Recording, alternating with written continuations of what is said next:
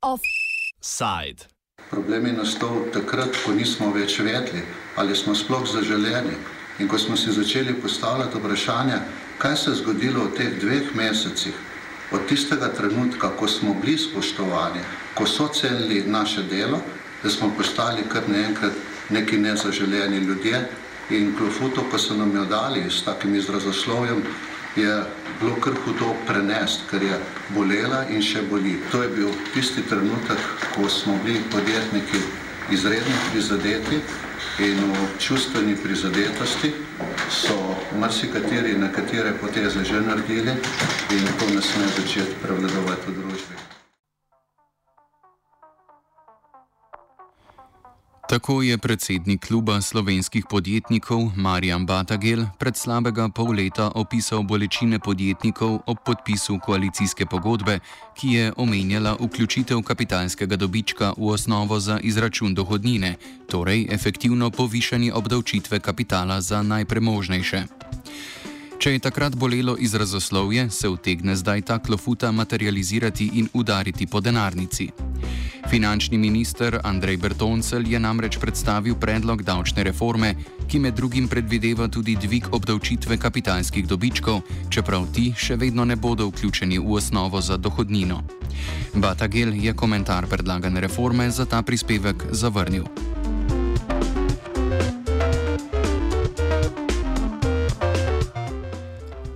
Višanje obdavčitve kapitala pa ni edini ukrep v predlagani reformi. Predlog hkrati znižuje obdavčitev dela v sredini dohodninske lestvice oziroma, kot rada izpostavi vlada, za tako imenovani razvojni ali inženirski kader, ki naj bi bil gonilo gospodarskega razvoja.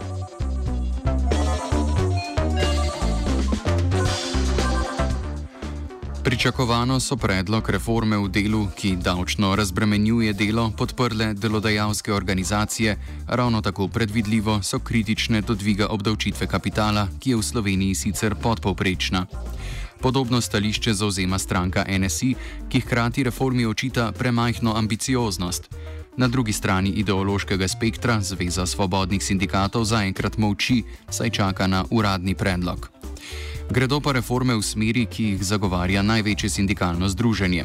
Levica, zunaj koalicijska partnerica vladajoče koalicije, ki je predlagala povišanje obdavčitve kapitala in s tem povzročila čustvene bolečine podjetnikov, se je prav tako zavila v mok.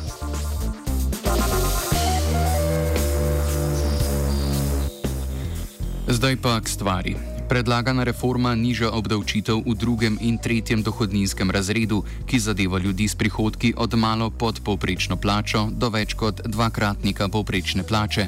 Višina zavisi od olajšav, do katerih je posameznik upravičen. Prav tako viša splošno olajšavo, ki zadeva vse in povišuje višino regresa in dodatka za delovno uspešnost, ki bosta še oproščena prispevkov oziroma izuzeta iz dohodninske osnove. Ekonomist Bine Kordež uvodoma izpostavi očitno, ki pa se kljub temu pri razpravi o davčni obremenitvi dela pogosto izgubi. Pri teh uh, davkih je treba upoštevati predvsem to, da seveda davki niso nekaj, kar uh, dajemo državi, da država uh, meče proč ta denar, uh, temveč je uh, vedno dokaj močna povezava. Uh, več pa država zbere z davki, več nudi storitev, eh, ki se plačujejo iz skupnega žakla, predvsem socialne, eh, zdravstvene eh, in podobne ugodnosti, šolstvo in podobno, kar je v Sloveniji na relativno visokem nivoju. Tako da višina davka je pač povezana tudi s tem. Pri razpravah o davčni obremenitvi plač v Sloveniji je že kar ponarodelo prepričanje, da so te pri nas nadpovprečno obremenjene.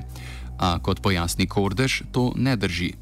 Ja, davki so seveda vedno previsoki, vendar uh, natančna analiza in primerjava obdavčitev plač v, med državami Evropske unije ali tudi širše pokaže, da uh, neka povprečna plača v Sloveniji ni nič bolj obdavčena, kot to velja za neko povprečje v Evropski uniji. So seveda države, ki imajo nižje davke, a tudi države, ki imajo više. Mi smo kar nekje v povprečju.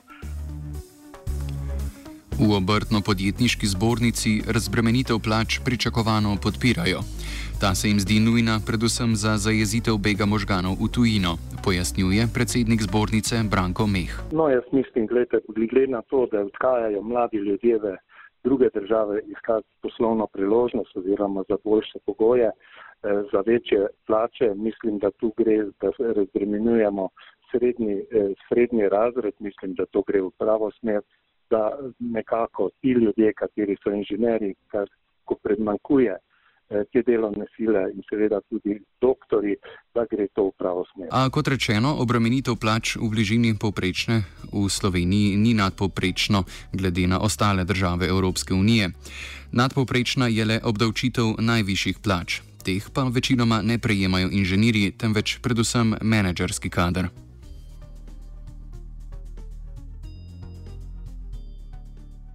V Sloveniji so torej plače, neke povprečne plače in tudi nižje, ter tudi nekoliko više plače obdavčene, kar nekje uh, v povprečju Evropske unije, kot pravim.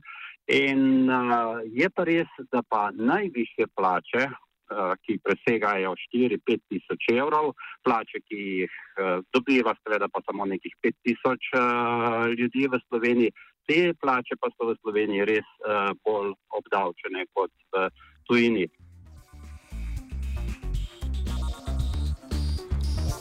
Poleg tega, kot pojasnjuje Kordež, obdavčitev tudi ne predstavlja take razlike, da bi zaradi nje možgani bežali v tujino.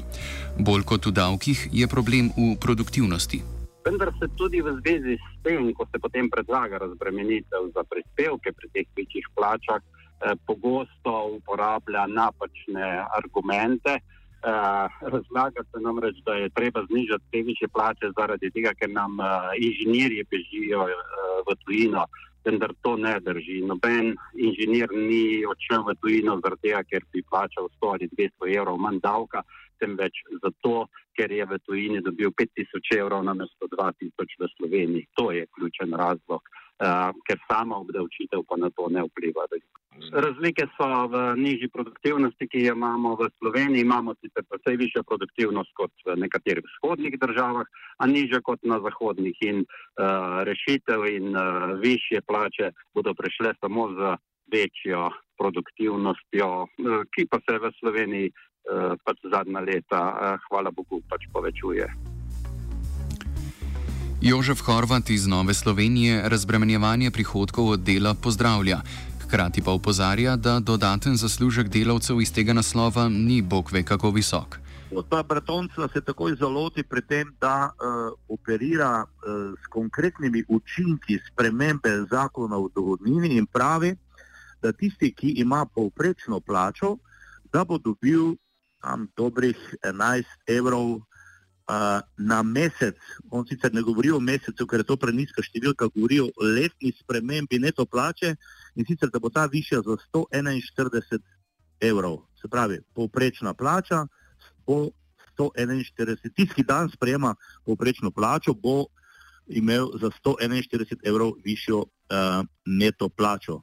Zdaj, na mesec je to 11,75 evra, tukaj so zadeve malo bolj um, številke malo bolj konkretne, tudi lažje predstavljive, in v procentih to znaša povečanje neto plače za en procent. Ob tem bo povišica, ki bi jo zaradi davčne reforme prejela večina delavcev, še manjša. Poprečna plača seveda ne pomeni, da ima polovica ljudi v tej državi uh, nadpoprečno plačo, polovica pa podpoprečno. Razmerje je ena proti dve, to pomeni dve tretjini ljudi v Sloveniji, ki prejemajo plačo, ima podpovprečno plačo. Ena tretjina ljudi, ki v Sloveniji ima uh, plačo enako povprečju ali višjo. In tukaj se moramo pogovarjati o številu ljudi. Če je število aktivnega prebivalstva, torej tistega, ki dobiva plačo okrog 900 tisoč, so številke zelo jasne. 600 tisoč ljudi ima plačo, ki je nižja od poprečja, približno 300 tisoč, zelo okrogle številke govorim, pa plačo, ki ima uh, više od povprečja. In zdaj mora gospod Bretoncelj iti in seveda tudi premije pred teh 600 tisoč ljudi pa jim reči, dragi državljani, vaša neto plača se bo z uvedbo novega zakona o dohodnini povečala za manj kot en procent. Torej, nekaj več bodo dobili tisti, ki imajo višjo plačo. Prtoncelj je korektno rekel, to so tisti, ki so razvojni vlečni konji, kot po domače rečemo v podjetjih. To je, to je prav, je ok. Predlog Nove Slovenije gre sicer v smeri razbremenjevanja ljudi s še višjimi dohodki.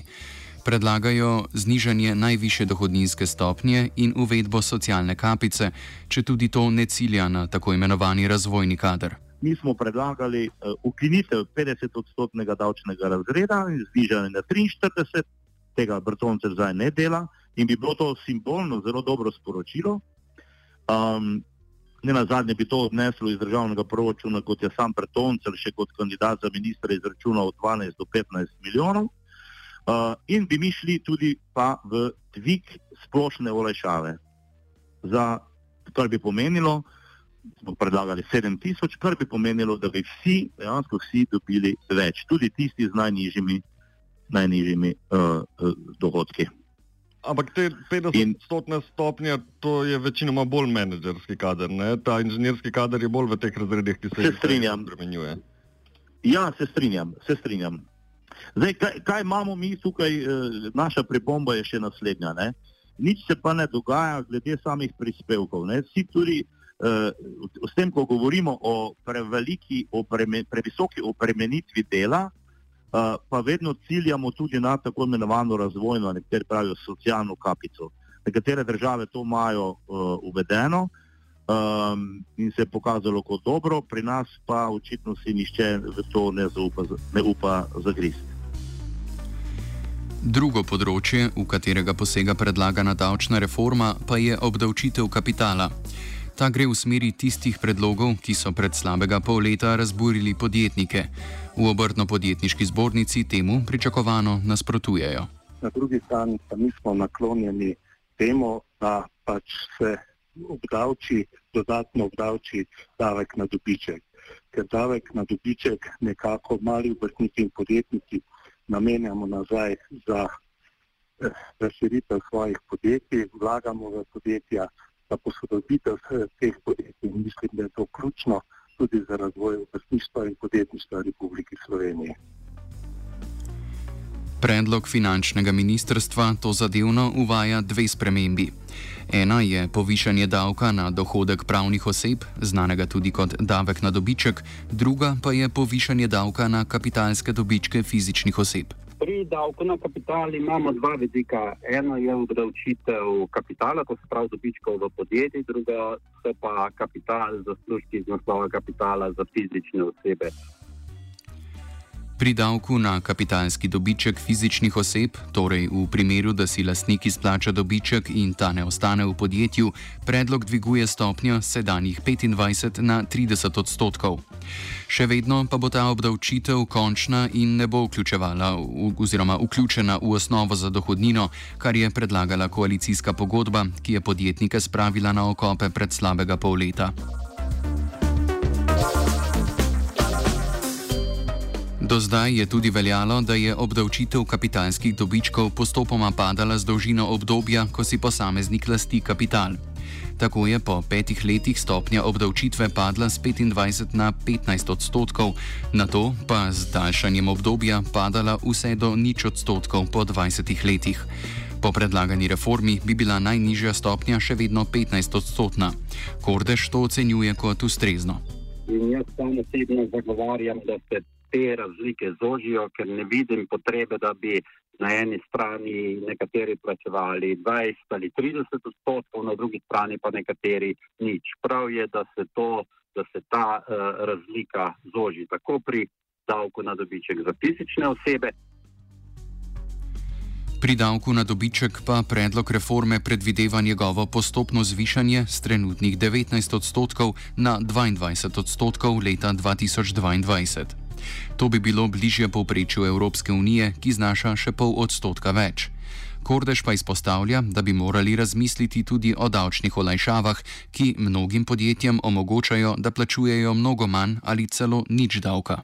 Enako pa velja tudi pri davku na dobiček za podjetja. Tudi tam bi morali, po mojem mnenju, eh, vse te velike olajšave, ki omogočajo, da danes četrtina podjetij davka sploh ne plačuje, mislim, da bi to morale, morali prav tako uh, ukiniti in uh, raje na ta način pridobiti več davka, ne pa z, z dviganjem splošne stopnje.